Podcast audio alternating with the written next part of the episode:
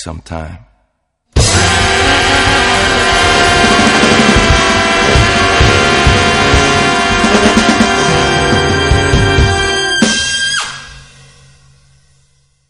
Lo último por hoy ha sido Shake of Arabi, We Make, A Lot of Love, Hello Dolly y Do That Thing. También es actor y le hemos podido ver en películas de apología bélica, como es el caso de la dedicada al bombardero Memphis Belle o el papel de un serial killer en Copycat. Como amante del lugar donde nació, tras el desastre del huracán Katrina en el año 2005, se involucró con otros artistas en la reconstrucción de la ciudad, arrimando el hombro y supliendo con la iniciativa privada a una administración que tendía a ponerse de perfil. Amigos, despedida. Provisional, definitiva, kilosa. De momento escuchad que hay discos como el de hoy que se escucha a gusto y sin esfuerzo.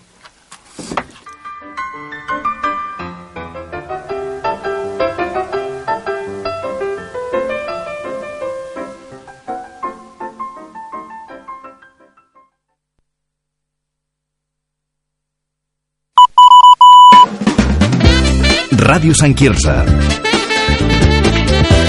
Són les 10. Informació, entreteniment i la teva música.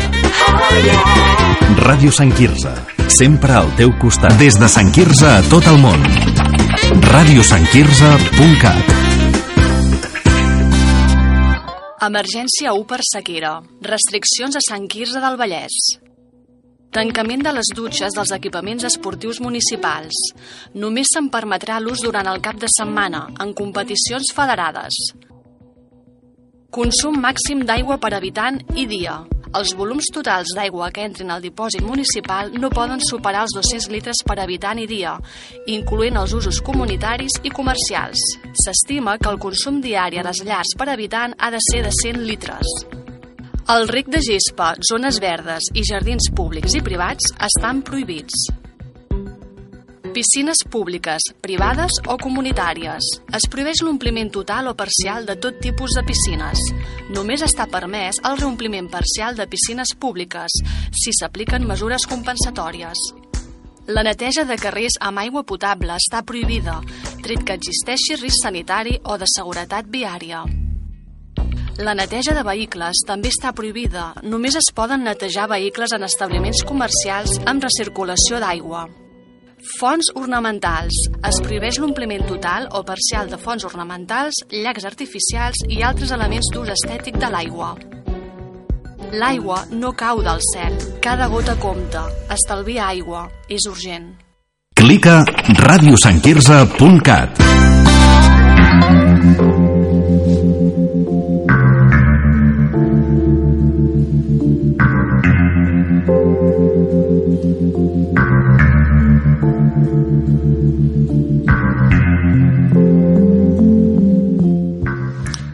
Hi ha un univers infinit dins la ment de la gent.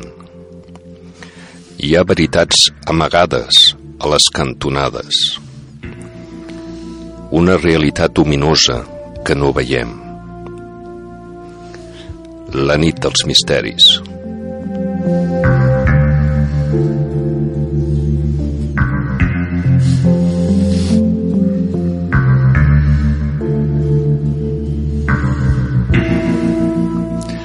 El programa La nit dels misteris és un viatge pel món desconegut que ens envolta.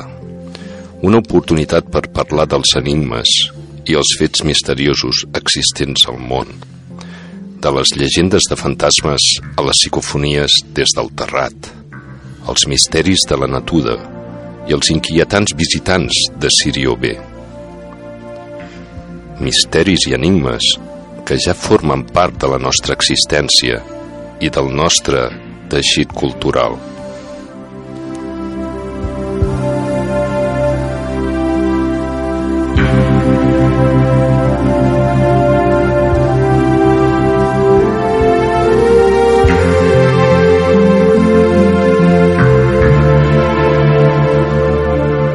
Bona nit, amics i amigues. Avui a Misteris la nit parlarem de Una aventura del misterio, psicofonías en casas encantadas, espacio y tiempo infestados y acabaremos con Ojo con la huiva que nos salpica.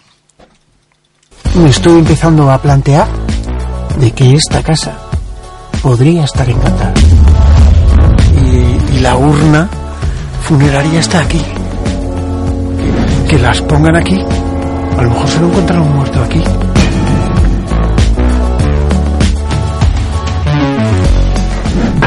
En la leche. Me lo ha arrancado. ¿Te acuerdas que me dijiste que tú percibiste aquí, justo en este? Sí. Hola.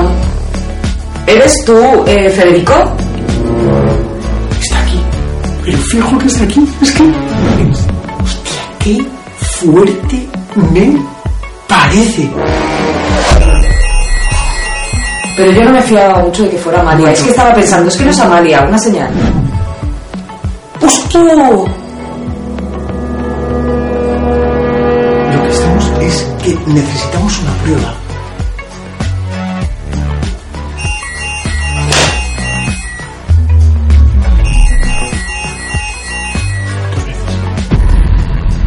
Es algo muy extraño. No comprendo qué es lo que pasa en esta casa. No sé si esos campos electromagnéticos han alterado algún tipo de cosa en el lugar que aquí parece que se ha abierto como, como un canal. Y eso es lo que tenemos que aprovechar. Podríamos decir que esta casa podría llegar a estar encantada. El señor Pedro Amorós, tenemos aquí como invitado. Señor Amorós, Muy buenas, ¿qué tal? ¿Cómo ¿se, estáis? se en- encontró eh, con Federico que sale en la grabación? Más o menos. En esta aventura del misterio, pues la verdad es que apareció esa entidad, ¿no? Pero, pero bueno, y otra que nos está dando muchísimos quebraderos de cabeza actualmente, eh, que, que bueno, pues ya hablaremos de ella. Sí. Pero eh, es algo increíble esta aventura, sí. Desde luego, porque es una aventura. Tenemos que comentar que el señor Pedro Amorós es uno de los periodistas del mundo del misterio más conocido en Europa y en el mundo del misterio en especial. Durante más de 30 años eh, se dedicó a la investigación sobre la transcomunicación instrumental para eh, la posible demostración pragmática de la existencia de una vida después de la muerte. En la actualidad, el señor Pedro Amorós está especializado en el estudio de psicofonías y es considerado uno de los investigadores más rigurosos y serios del mundo, pues posee un extenso archivo de grabaciones que en la actualidad cuenta con miles de psicofonías. Además, es el presidente de la Sociedad Española de Investigaciones Parapsicológicas y autor de la Guía de la España Misteriosa y de Psicofonías, Voces del Más Allá. Eh, con todo este currículum, vamos a ir directamente al grano. ¿Cómo definiría una psicofonía? Bueno, pues la verdad, eh, la verdad es que es difícil. Fíjate que llevo 40 años investigando todo esto, estudiándolo desde un punto de vista, primero, eh, eh, bastante escéptico, porque yo soy bastante escéptico, soy muy cientificista en algunos momentos y por supuesto también creo en el misterio. O sea que, fijaos qué eh, especie de amalgama extraña que se hace un poco dentro de mi mente, ¿no? Pero mira, mi formación mi formación académica siempre me ha llevado un poco a lo que es la estructura. Yo estudié la ingeniería eh, informática, la ingeniería técnica informática en la Universidad de Alicante, bueno, en la Universidad de Valencia, pero en el campus de Alicante. Y bueno, pues desde siempre, tanto mis profesores como mis propias enseñanzas personales me han cuadriculado la mente. Yo siempre he querido encontrar una explicación. Una explicación, eh, bueno, pues... Científica. eh, a- eh, bueno, lógica. Fíjate, ya no me referiría a científica porque tenemos que considerar que la parapsicología, eh, que es esta metodología de investigación eh, que se utiliza, no puede ser considerada como ciencia ortodoxa, puesto que carece de los pasos de la, de la demostración de los pasos del planteamiento hipotético experimental, por ejemplo, de la falsación de pruebas, etcétera, etcétera, etcétera. Tenemos que utilizar una metodología paracientífica paralela para poder llegar a comprenderlo. Con lo cual, yo me referiría más a la lógica, a la lógica que se establece a la hora de comprender todo esto, que a cualquier otra cosa. Y ahí es cuando nos encontramos con el fenómeno psicofónico. Es curioso, cuando usted habla, cuando nos encontramos, em, eh, porque usted, por la formación que me está explicando, ingeniero informático, debería estar allá programando todo el día. ¿Cómo, cómo ocurrió de, de golpe eh, su primera experiencia? O sea, mm, o, o ya de, de jovencito todo el tema de misterios ya lo seguía. bueno, yo hace mucho tiempo que ya no programo, realmente dentro de lo que es eh, mi, mi campo de estudio eh, académico, pues es la estructura de la información realmente, la, la, el, el planteamiento de los análisis de información, ¿no? Eh, pero, pero bueno, eh, la programación también la he hecho durante muchos años y me ha encantado. He sido un magnífico programador y, bueno, lo digo con toda la humildad del mundo en ensamblador, en, en algunos eh, lenguajes que, bueno, pues me han llevado a lo que, a lo que es la comprensión. Sí, pero Pero esto, ¿cuán- eh, ¿cuándo fue, digamos, la primera psicofonía? Porque eh, tiene eh, más de 60.000 psicofonías eh, como experiencias, pero la primera, la- ¿se acuerda Sí, de la primera sí, psicofonía? Mira, el- yo empecé a los, podría decirte que me empecé a aficionar prácticamente desde pequeñito, ¿no? Porque a mi padre le gustaba todo esto mucho. Eh, digamos que la primera grabación que yo hice eh, la obtuve, pues tendría unos 10 años. 10, Caray, 11 años. 10 años. Y estaba jugando, sí, sí, sí, estaba jugando con un amigo en un ático y de repente eh, estábamos eh, tranquilos en plena, eh, en pleno Alicante, estamos hablando de un quinceavo piso donde enfrente está el mar, no había nada, ¿no? Y de repente, bueno, pues yo estaba con él allí jugando 10, 11 años y, y de repente, pues em, yo digo, oye, ¿quieres? Es- eh, Estábamos ya con ordenadores y, y bueno, pues estábamos jugando con una de esas antiguas grabadoras que se utilizaban para cargar los programas, ¿no? Y de repente, eh, ahí se me ocurrió coger una de las cintas que teníamos vírgenes para grabar programas y, y coger y decirle, oye, mira, él se llama Javier Avellán, ¿no? Y eh, yo digo, mira, Javier, vamos, va- vamos a hacer una cosa. Ponemos la, la cinta y allí, eh, en el silencio de la nada, o sea, de- había total silencio, solamente se escuchaba el rumor del mar eh, a lo lejos, eh, preguntamos, o pregunté yo, ¿puedes decirnos cómo nos llamamos? Y de repente eh, aparece una mujer que dice Avellán. Claro, es el nombre, el, el apellido de, de mi amigo, pero es como todo el mundo le llamaba. O sea, Caray, esa, yo así- te podría decir que esa, que esa fue mi primera psicofonía. Pero lo curioso es que mi amigo cogió la cinta y la tiró por el catorceavo Eh, piso. del miedo que le cogió delante de Del esa... miedo que le cogió. Vamos, algo manifestación. increíble. Sí, aún me, acu- me acuerdo de grabar programas eh, co- con cassette en los primeros tiempos que hacíamos Sí, sí. la informática. Y de pronto, Claro. un día llama a los misterios y abre un canal de YouTube de misterios. Eh, Bueno, claro, esto, eh, a ver, es todo un proceso, ¿no? Eh, porque yo con 12 años descubrí a Friedrich Jürgenson en uno de los libros que tenía mi padre en su biblioteca y, y empecé a darme cuenta de que eso, bueno, pues eh, podría estar ahí, ¿no? De que, de que yo lo veía desde un punto de vista, eh, vale, pues, pero ¿cómo es posible que los muertos nos hablen, no? Porque en este artículo yo había escuchado a Jürgenson comentar que él se contactaba con la nave de los muertos. Digo, pero semejante estupidez eh, no puede estar carente de, de- datos. Y Y cuando empecé a darme cuenta de todo lo que había detrás, eh, me di cuenta que el estúpido era yo eh, pensando en que eh, lo sabía todo cuando realmente no sabía nada, ¿no? Y me di cuenta como Jürgenson, bueno, pues empezó a, a, a descubrir lo que es el fenómeno psicofónico en, en junio del 12 de junio concretamente de 1959 eh, cuando en un pequeño bosquecito detrás de su casa pues estaba intentando grabar el canto de los pájaros y grabó lo que se considera hoy como la primera psicofonía oficial ¿no? Pues mira, Eh, eh, grabando Canto de los Pájaros, el Josep Antoni, eh, tú también grabas... ah, Sí, sí, sí. Es un especialista grabando Bueno, pájaros. los cantos de los pájaros nos dicen mucho, es una manera de comunicar. Lo que no he probado todavía son psicofonías de pájaros. Bueno, esta- ¿Podría haber psicofonías de pájaros? Igual es que no las ha escuchado bien. Bueno, eso, esa pregunta, Josep, fíjate, esa pregunta no es baladí, ¿eh? Esa pregunta es muy interesante porque le- ¿tienen alma los animales? Y si tienen alma los animales, que seguramente vamos a decir que sí, como los seres humanos, pues eh, perdura un poco más allá de la muerte, fíjate. Y si perdura, ¿por qué no grabamos eh, sus maullidos, sus ladridos, eh, sus los psicofonías. Sus sus psicofonías. Al ¿eh? fin y al cabo son, pues, seres, son seres vivos igual que nosotros, ¿no?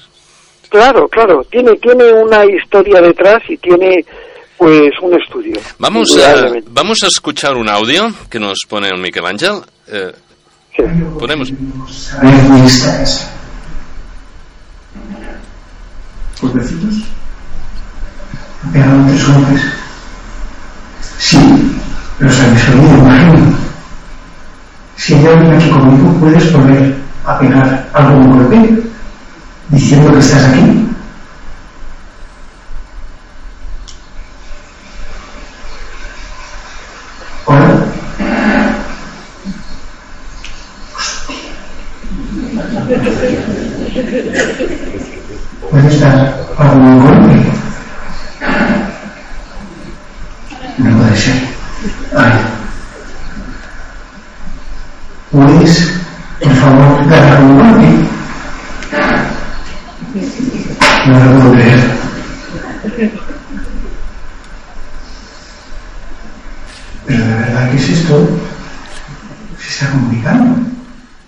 Estamos escuchando una grabación que se puede encontrar en sus aventuras del misterio. Mi pregunta es, ¿son difuntos seres de otras dimensiones que nunca han sido humanos, seres extraterrestres que se quieren comunicar, ángeles o demonios? ¿De quién son estas voces que se oyen, Pedro? Bueno, bueno, bueno, bueno, bueno. Esa es la gran pregunta, Josep. Yo realmente no sabría llegar a comprender el por qué se producen, el cómo se produce y quiénes son los, los comunicantes. Yo os aseguro que llevo toda mi vida investigando este campo y no tengo datos para decir quiénes son, pero ellos dicen que son los muertos. Ellos dicen que son los difuntos, que se comunican con nosotros para decirnos sobre todo que no están muertos. O sea, esto es bastante paradójico, pero la realidad es que tenemos decenas de comunicaciones en las que ellos nos hacen alusión a que la muerte es un cambio, pero es un cambio de estado que no significa la destrucción total de la energía, que pese a que mm, nos duela, o les duela a algunos escépticos, la energía ni se crea ni se destruye, solamente se transforma. Y es un principio, es una ley que se llama la ley de la termodinámica, el segundo, conce- el segundo principio, eh, la ley de la conservación de la energía. Con lo que, si nosotros realmente somos energía, que está hartamente demostrado que somos, ¿en qué se transforma nuestra energía cuando nosotros perecemos? ¿En qué otras fuentes de energía se transforma? Y así es como comprendemos que realmente, eh, y, es lo que ellos también nos dicen, ¿no?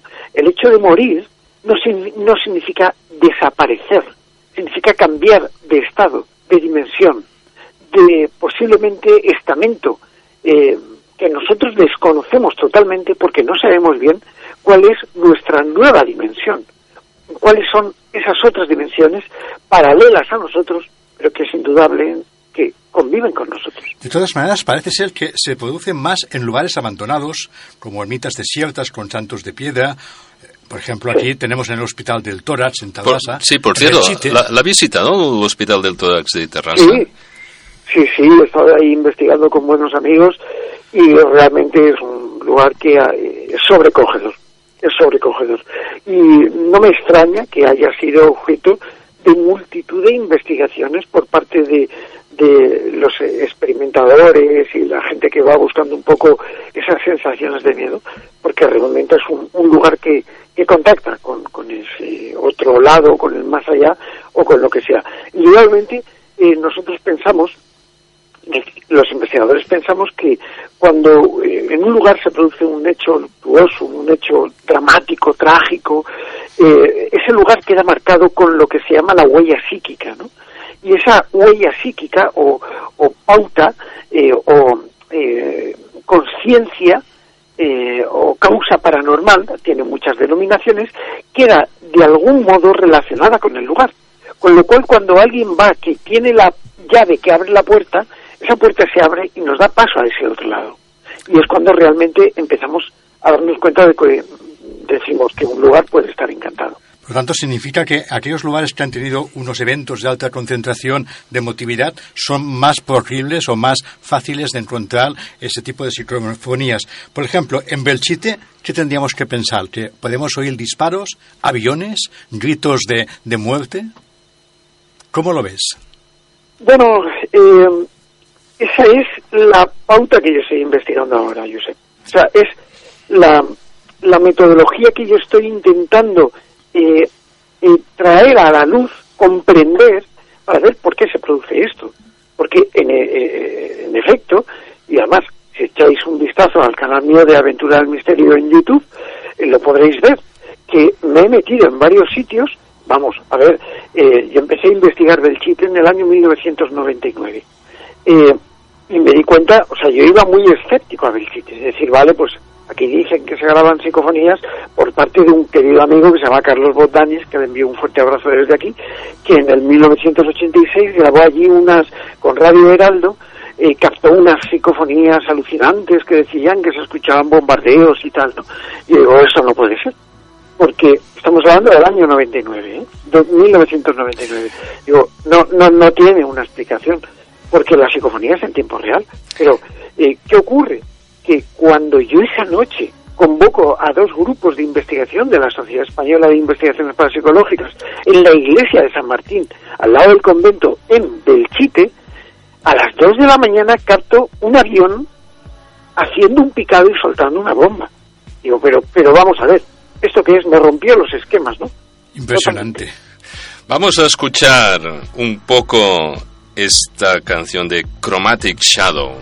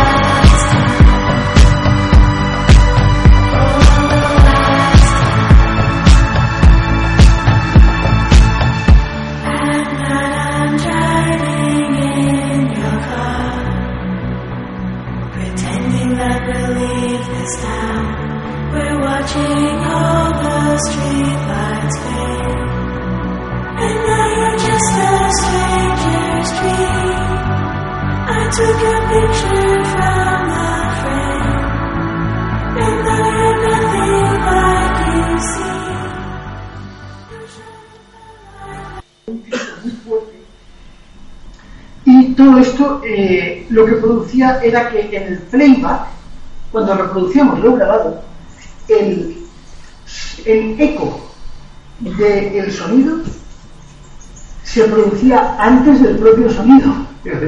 No, no tiene, o sea, yo lo bauticé como un eco fantasma eh, es algo que no tiene explicación. Vamos, si te parece, a escucharlo. Claro que sí. Y, eh, bueno, pues para que sepáis de lo que estamos hablando.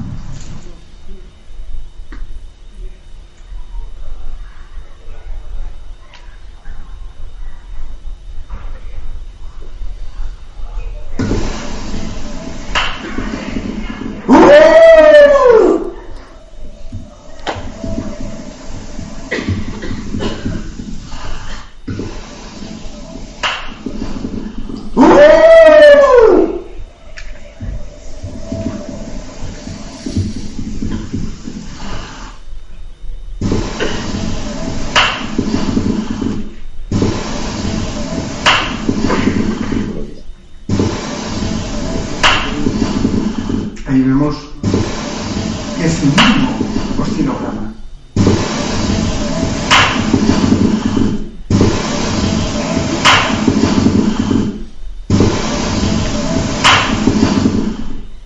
Estamos aquí ya podemos Pedro, eh, eh, nos hablabas de un eco fantasma. ¿Qué lo estaba eh, controlando con, eh, con el osciloscopio? ¿Cómo, ¿Cómo fue esta experiencia? Sí.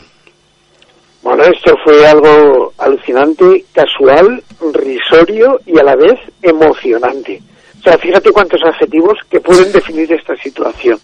Lo primero es que siempre un investigador, en mi caso, y, y además respondiéndote a una pregunta que, que, nos, eh, que, se ha planteado antes, ¿no? O sea, para poder grabar eh, psicofonías no es necesario irse a una casa eh, derruida en medio del campo. Pero tenemos que pensar una cosa. Estas casas antiguas eh, están construidas con las manos de las personas que vivieron en ellas. Tienen una carga emocional muy grande. Y vamos a las emociones, al campo de las emociones. Pero en este caso, este eco fantasma nos pone en la antesala de pensar que posiblemente estemos trabajando, moviéndonos o elucubrando en una dimensión paralela, porque rompe el principio de la causalidad. Aquí, aquí Eh, es, es, es una de las cosas que considero interesantes, porque en, Claro.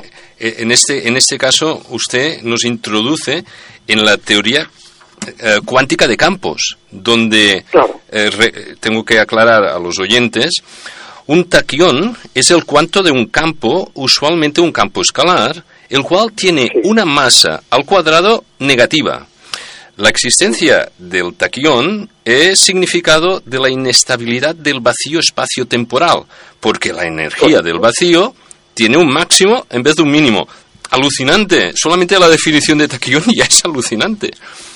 Correcto. Además, eh, hay que decir que son eh, fue Gerald Feinberg en el año 1967, eh, el cual, bueno, pues expuso esta teoría y evidentemente se consideró, eh, bueno, pues que se podía probar desde el punto de vista matemático la existencia de los, de los taquiones, pero son partículas que están condenadas a viajar en el pasado. Eh, eh, como usted decía, claro, el fenómeno este del Claro. ecofantasma está relacionado de alguna manera con eh, Claro. esta característica de los taquiones, ¿no? Que rompen la causa-efecto, eh, que es lo normal, eh, lo que consideramos normal, vaya. Claro, eh, nada puede romper el principio de la causalidad. Esto significa que cuando vemos un efecto es que hay una causa que lo haya mm, producido, pero no vamos a ver la causa antes que el efecto. En el caso de los taquiones, que son estas partículas eh, subatómicas capaces de moverse a velocidades superlumínicas, por eso, por, por tener una masa imaginaria y una masa cuadrada negativa, rompen con ese principio de la causalidad y estarían eh, condenados a retroceder a la cuarta dimensión temporal. Y es por ello por lo que no se puede, o sea, no, puede, no pueden ser vistos, no pueden ser detectados de momento, pero sí demostrados desde el punto de vista matemático y eh, por tener una velocidad superior a la de la luz. Sí, esto está, relacionado con la teoría de cuerdas, ¿eh? que es- ya es una de las cosas de la, de la física más avanzada en estos momentos, ¿no? la teoría de cuerdas. Por, por- Claro, y lo que, lo que observamos aquí, fíjate, que lo que observamos aquí, este eco que se produce, eh, esto, esto es súper curioso, porque eh, el eco del el grito que se da se produce antes que el propio grito. Sí, eh, en la grabación, a ver, quizás no, no acaba de quedar claro, pero ustedes allá in situ eh, detectaron eh, este fenómeno, ¿no? Que, que os, Sí, correcto. que primero, antes del eco, se producía el ruido, ¿no? El, el grito este que, que hemos escuchado. Claro, claro, claro. Totalmente. Es decir, nosotros estábamos, además fue, eh, a mí me extrañó mucho porque no era nada paranormal, sino que era algo que se daba en ese lugar. Esto Se estaba, dando durante meses. estaba relacionado con el misterio de un castillo templario, eh, esta aventura. Sí, sí. ¿Que, que estaban Sí, en los alrededores del castillo templario o allá mismo? Bueno, nosotros nos situamos, eh, fue un equipo de, so- de la Sociedad Española de Investigaciones Parapsicológicas que nos situamos en el patio de lo que era aquel castillo, estamos hablando del castillo de Perpuchen o el castillo de Lorcha, como queramos entenderlo, en el cual tiene una montaña entera delante brutal, eh, está en la nada, está en mitad de la montaña, eh, es como un cono que se eleva, arriba está en la punta, está el castillo, y ahí nos pusimos a grabar eh, psicofonías, ¿no? Y bueno, pues dentro de estas pruebas, un cazador disparó una, un- una escopeta y el sonido de la escopeta viajó por toda la cordillera de la montaña que había delante, hizo un, un, un efecto súper bonito, ¿no? Entonces, claro, dije, pero eh, qué curioso, lo he grabado. Y cuando rebobino y escucho, me doy cuenta que el disparo está antes. O sea, el eco del disparo está antes el propio disparo. Es, eh, que- aquí la curiosidad, o sea, lo descubrió al, al oír la grabación. Es, eh, de- es- es curioso. Entonces, Sí, sí, estamos allí cinco miembros de la SEIP y, y, y nos quedamos todos atónitos. Aquí, Porque- en este momento, ya estamos entrando en lo que se podría calificar, quizás de algún modo, de psicofonía cuántica. Vam- Vamos a aclarar un poco esta idea de la psicofonía cuántica. El hecho de que el observador interfiere en la realidad eh, creando acontecimientos por el mismo hecho de creer en ellos. ¿Es, es posible esta psicofonía cuántica? Bueno, yo estoy totalmente convencido. Es decir, nosotros cada vez que vamos a investigar en algún lugar o en el laboratorio mío, por ejemplo, eh, nos damos cuenta de que el experimentador interfiere de manera directa. Tenemos que recordar el famoso experimento de la doble rendija, el cual demuestra que, bueno, pues un patrón luminiscente eh, puede variar en función de ser o no observado. Bueno, es mucho más extenso, pero lo he resumido un poquito. Esto significa que el observador interfiere en la función de onda. Esto significa que el simple hecho de observar, aunque sea con un dispositivo electromecánico, eh, hace que el resultado varíe, con lo cual te está eh, analizando el propio fenómeno la intencionalidad del investigador. Pero podría, cual- podría ser que, eh, de alguna manera, el, el propio inves- investigador crease estas psicofonías eh, por, o sea, que no estuviesen, sino que fuesen creadas por el mismo investigador, inconscientemente, entiendo. Bueno, el- a ver, tenemos que comprender la psicofonía como un fenómeno paranormal. Y cualquier fenómeno paranormal se alimenta de algo muy importante, estado alterado de la mente, la psique humana. La psique humana es un factor amplificador. Es eh, algo que amplifica, eh, como dice eh, la palabra, lo que es un, fenómeno, ¿no? Y es por ello por lo que este tipo de eh, consecuencias que se producen, efectos, fenómenos, fenomenología, lo que queramos eh, pensar, utiliza al propio investigador o a los propios habitantes de un lugar, dícese una casa encantada donde conviven personas, eh, los fenómenos se acrecientan cuando entra una determinada persona que sufre un estado alterado de la mente. Eh, una persona con depresión, una persona con miedo, incluso con miedo, una persona que tiene eh, unos estadios eh, diferentes al resto, esto es lo que lo que produce es un factor amplificación eh, de amplificación. Eh, es algo que hace que el fenómeno pueda demostrarse, pueda mostrarse mucho más fuerte, virulento, ¿no? Y es por ello por lo que es la psique humana la que amplifica el fenómeno. En cierta manera, la psique humana lo que hace es que interpreta, ¿no? Porque, en una- volviendo al ejemplo que hemos escuchado anteriormente, ¿esto se grabó de noche o de día? Eh, a cualquier hora No, lo digo porque es que- día por la tarde, por la mañana. Es lo que te decía yo, es- esta, eh, este eh, audio que hemos escuchado, yo pensaría, desde mi punto de vista, desde mi percepción, que es como el sonido de un búho, ¿no? Por lo tanto, en cierta manera, cada persona no solamente lo puede producir, sino que su captación también varía en función de, de- de la capacidad auditiva y de lo que está acostumbrado a escuchar de forma habitual, ¿no? Claro, mira, el- es- concretamente esta eh, no serviría para lo que dices y, y- y lo comprendo y además lo comparto eh, lo que estás diciendo, pero eh, no serviría porque es física. Ya. O sea, esta grabación es física. Esta, cada vez que íbamos se producía. Una psicofonía no es física. Bueno, sí es física porque tiene una alteración electromagnética en una grabadora o en cualquier eh, medio de conservación, pero eh, es esporádica, espontánea y efímera, con lo que se caracteriza como los fenómenos paranormales. Con lo cual, este eco fantasma se saldría del concepto paranormal. Porque cada vez que hemos ido lo hemos grabado, claro. Va- vamos a escuchar otro audio, a ver qué les parece.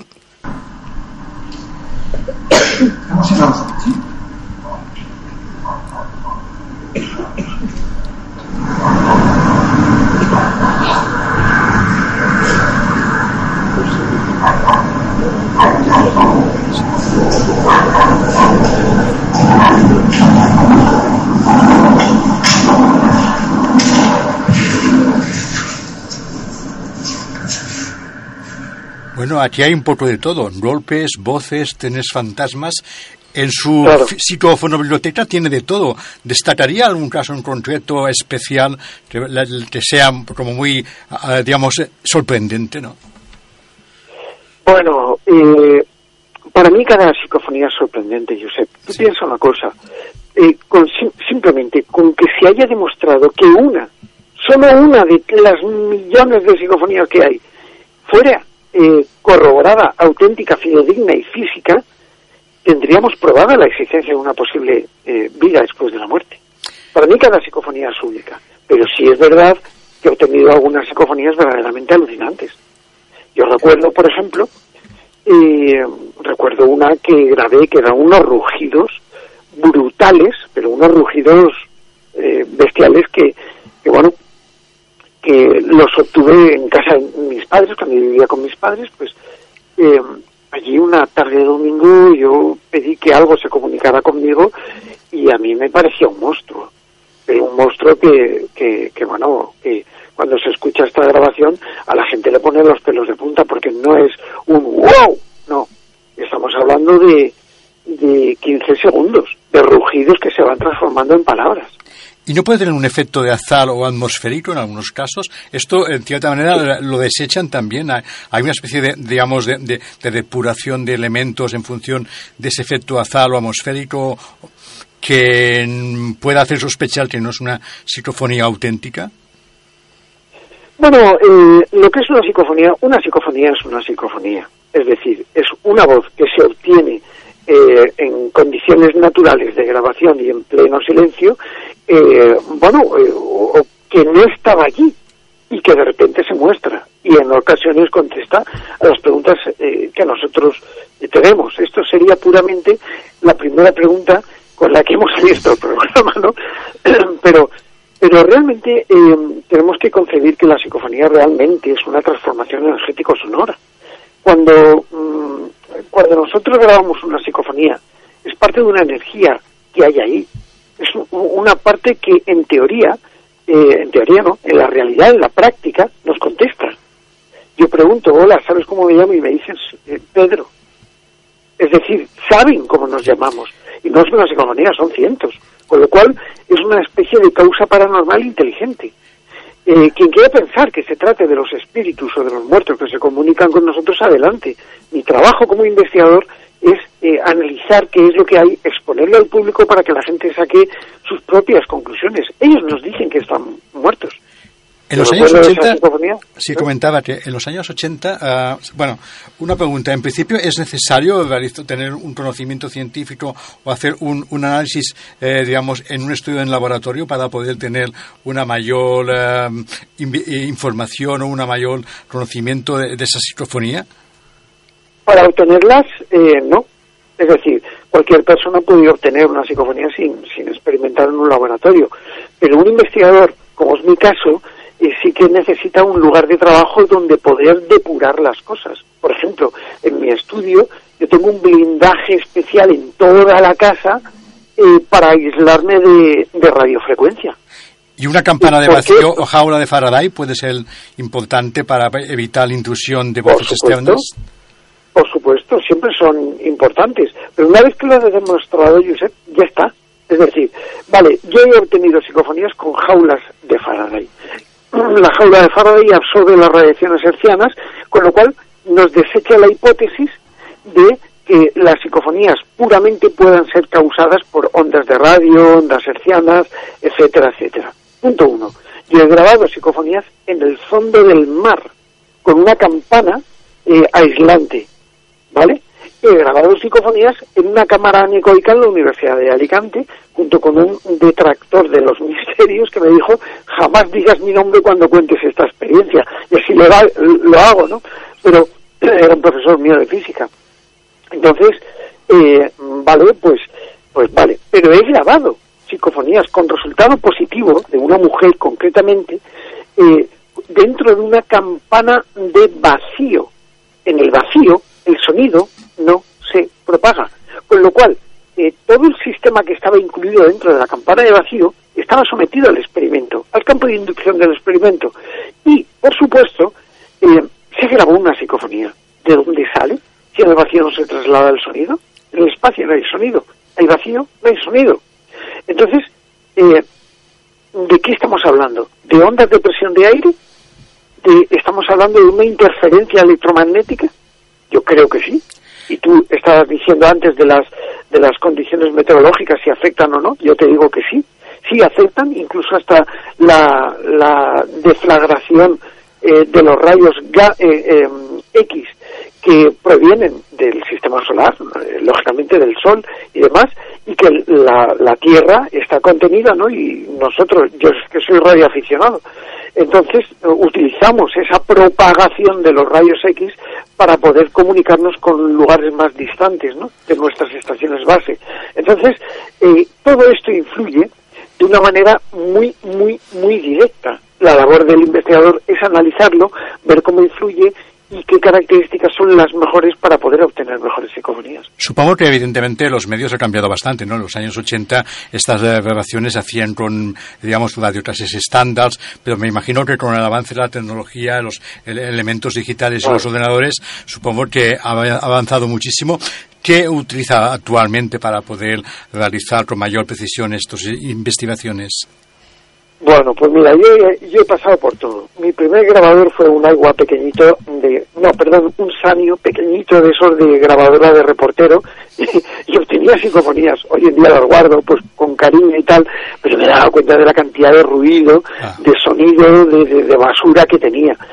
Eh, luego, bueno, pues después eh, estuve utilizando esos carretes de, de bobina, esos grabadores tipo, pues marca como Revox, Akai y demás, que, de, que eran de bobina abierta y los sigo teniendo aquí, pero ya no los utilizo lógicamente, ¿no? Por cierto- A 19,9 centímetros, Sí, ¿no? O por- sea, Eh, estuvimos aquí hablando ah, la primera temporada con el señor Fran Recio, que también es un conocido que hace psicofonías. Y, Sí, y- amigo. y le estuvimos comentando eh, si utilizaba el Spirit Box. ¿No? ¿Usted lo conoce, este, este elemento para obtener psicofonías? Bueno, mira, yo eh, tuve el placer de conocer y de hablar con Frank Stanton, que fue el creador de la Fran Box, o como se llama hoy Spirit Box, ¿no?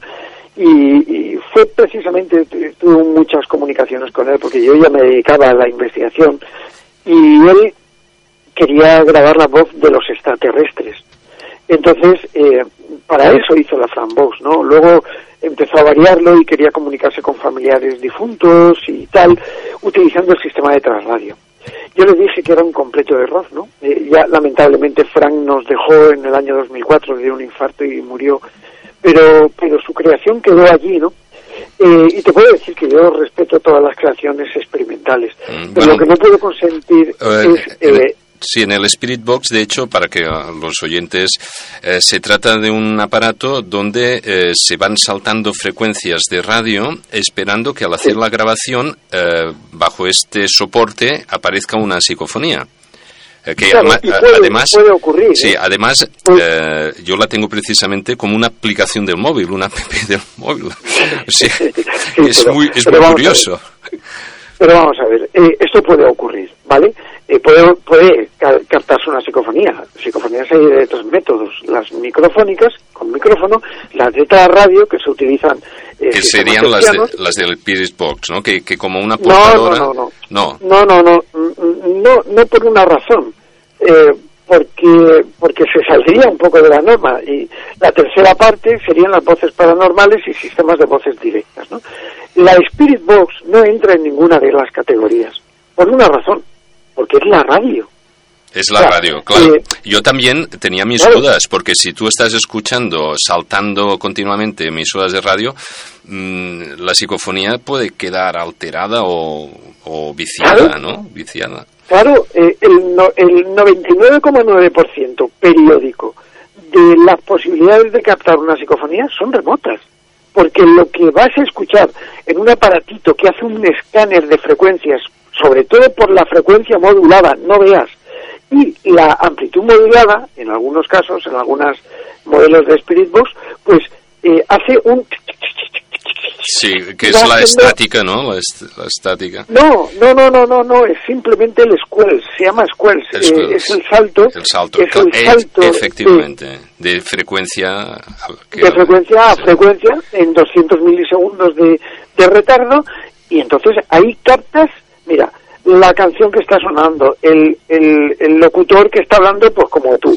Seguramente nos estén captando ahora eh, los experimentadores que utilizan la Ghostbox o la, la perdón, la, La Spirit Box. la, la Spirit Box, ¿no? Entonces, claro, nos estarán captando y dirán, mira, fíjate una psicofonía con la voz de Pedro Amorós. Pues no, es Pedro Amorós Esto- hablando esto en sí la que sería bueno. Real, totalmente real, como la vida misma. Ahora, alguien que utilice la Spirit Box en este preciso momento puede estar captándolo a usted como, como psicofonía.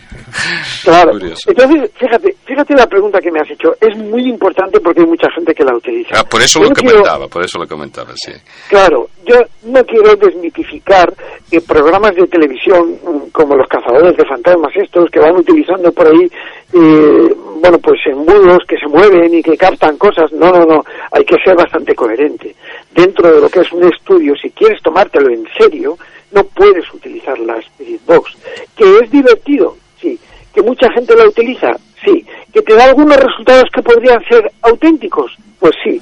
Pero eh, si da el 99% de error, ¿a mí de qué me sirve? Claro, claro. No me es- sirve de nada. Vamos no, me, a- no me puedo centrar en eso. Vamos a escuchar una melodía.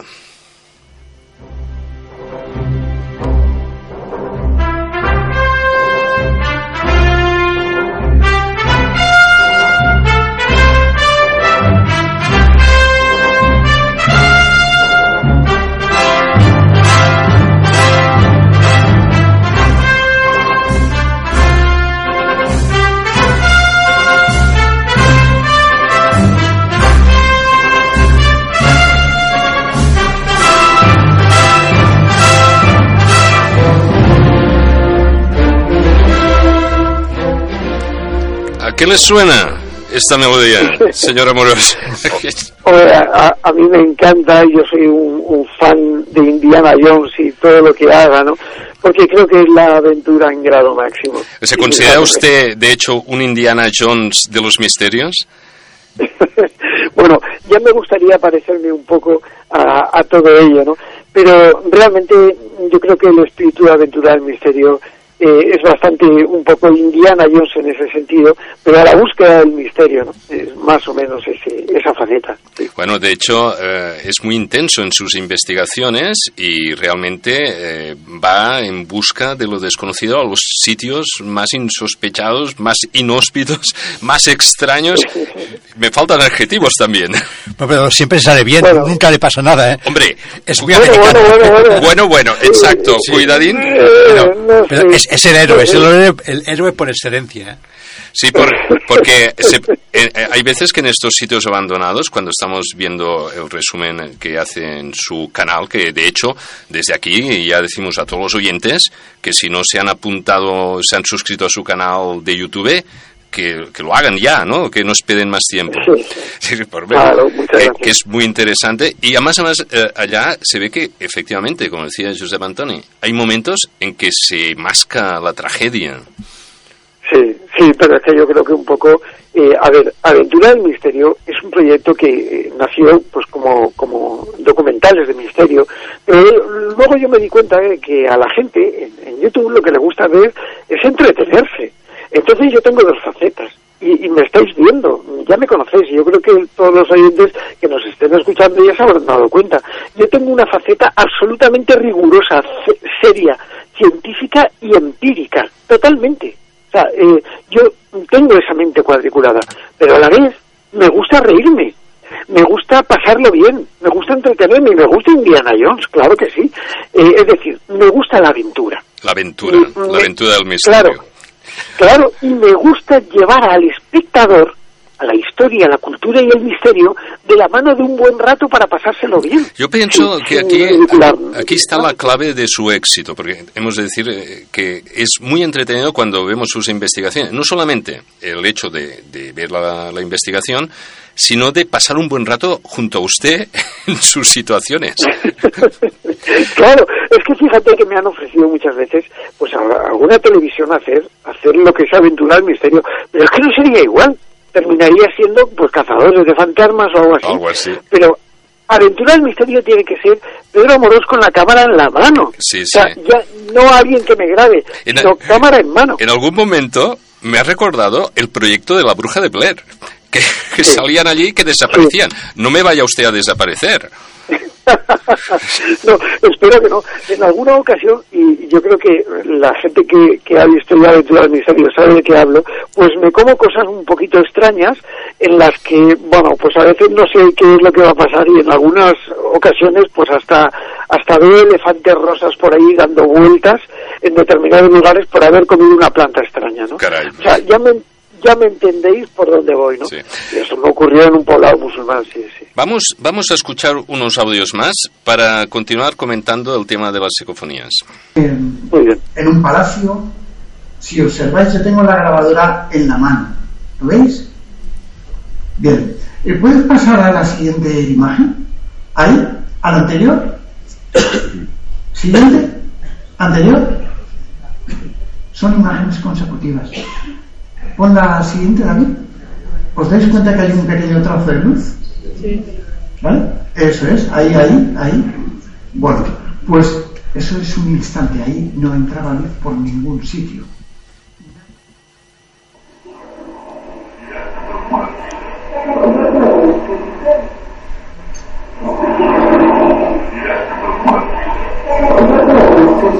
Directo a los muertos y no todos los que están. Eh, ¿Salimos de aquí? Directo de los muertos. Estas palabras se oyen claramente. Es quizás una de la- sus psicofonías más increíbles.